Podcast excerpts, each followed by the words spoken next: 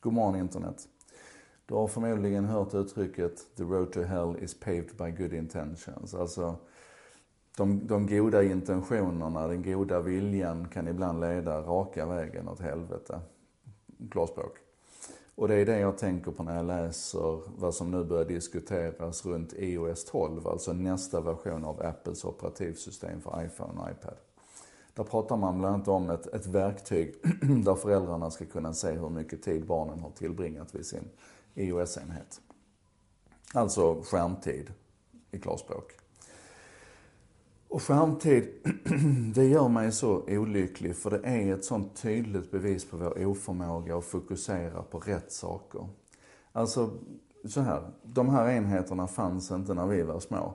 Det betyder att vi har ingen naturlig relation till dem. Det betyder att vi projicerar våra egna problem på den här enheten. Det betyder att vi, att, att vi blir tydligen fullständigt oförmögna att konstatera att någonting som kan göra både gott och ont, då fokuserar vi på det onda istället för att bygga på det goda.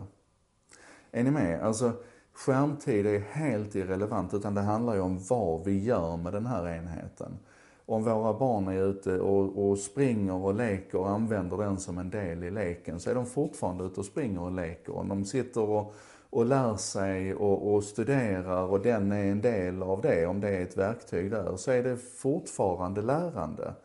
Och om de någon gång ibland kopplar av och bara njuter och ska titta på lite barnprogram eller att spela ett trevligt spel så är det inte finare att göra det vid TVn än att göra det där.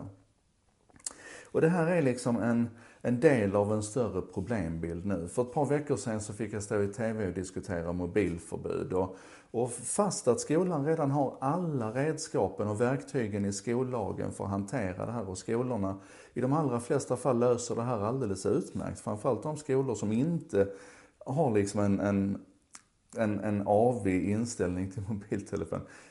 Alla verktygen finns. Vi behöver inte ett generellt förbud.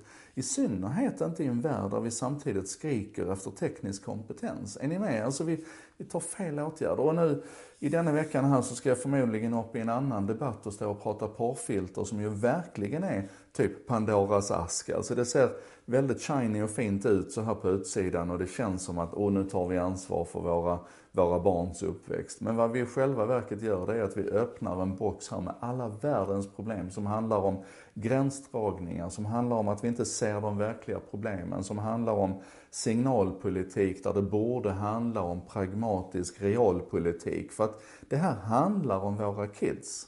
Det handlar om liksom vilken, vilken chans vi vill ge den uppväxande generationen. Och det här blev väldigt starkt och tydligt för mig i mobiltelefondebatten, så jag var tvungen att formulera det i tio stycken tweets. Så jag ska, jag läser dem.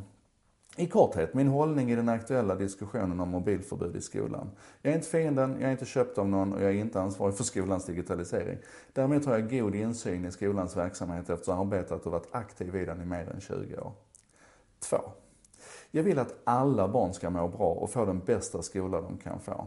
Jag vill att vi ska ta ett vuxenansvar och hjälpa de som behöver det och ofta också låta barnen hjälpa oss. Jag vill inte att vi tummar på likvärdigheten eller lämnar någon efter. 3. Barnen är redan en del av den digitala världen. 98% av de sexåringar som börjar skolan är internetanvändare. En del av de barnen har problem, till exempel med att mobilen stör. I debatten kallas det också mobilstress, mobilberoende etc. Och då menar jag att det är vårt ansvar, vårt vuxenansvar som föräldrar, som andra vuxna, som skolan, att hjälpa dem. 4. Om skolan har ett generellt mobilförbud, mobilförbud från skoldagens start till slut så kan det ses som ett enkelt sätt att inom citationstecken lösa problemen. Men det är kortsiktigt och det hjälper bara för stunden.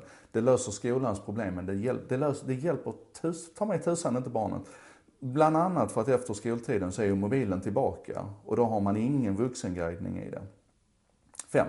Istället behöver vi jobba metodiskt och på djupet med relationen mellan eleven och tekniken. Diskutera den, hitta gemensamma individuella lösningar, lära ut, öva och inse värdet i lösningar som flygplansläge, do not disturb, eh, alltså den här stör ej-funktionen och alla andra metoder som bidrar till kontroll och att vi känner att det är vi som styr tekniken istället för tvärtom. 6. Vi bör jobba på det här redan från de allra tidigaste åldrarna. Varje dag som vi ignorerar utmaningarna riskerar vi att en del barn hamnar efter. och de hamnar längre och längre efter. Klyftan ökar mellan de som har en omgivning som ger dem stöd och hjälp och de som inte har det. Och skolan måste vara garanten för att vi tar hand om, om alla kidsen. Sen är det då den här tekniken som skolan tillhandahåller. Sju, den teknik som skolan tillhandahåller är alldeles utmärkt för lärandet, men den hjälper inte barnen att hantera frestelserna på nätet, sms från kompisar eller notiser från sociala medier. Därför är den egna mobilen viktig med de dagliga utmaningar som den innebär. Är ni med? Vi behöver ju se utmaningarna för att kunna arbeta med dem. 8. I skollagen, i läroplanerna, övriga instruktioner från Skolverket finns det ingen tvekan om att ett generellt mobilförbud är fel. Det får till exempel inte, alltså så, det får inte lov generellt.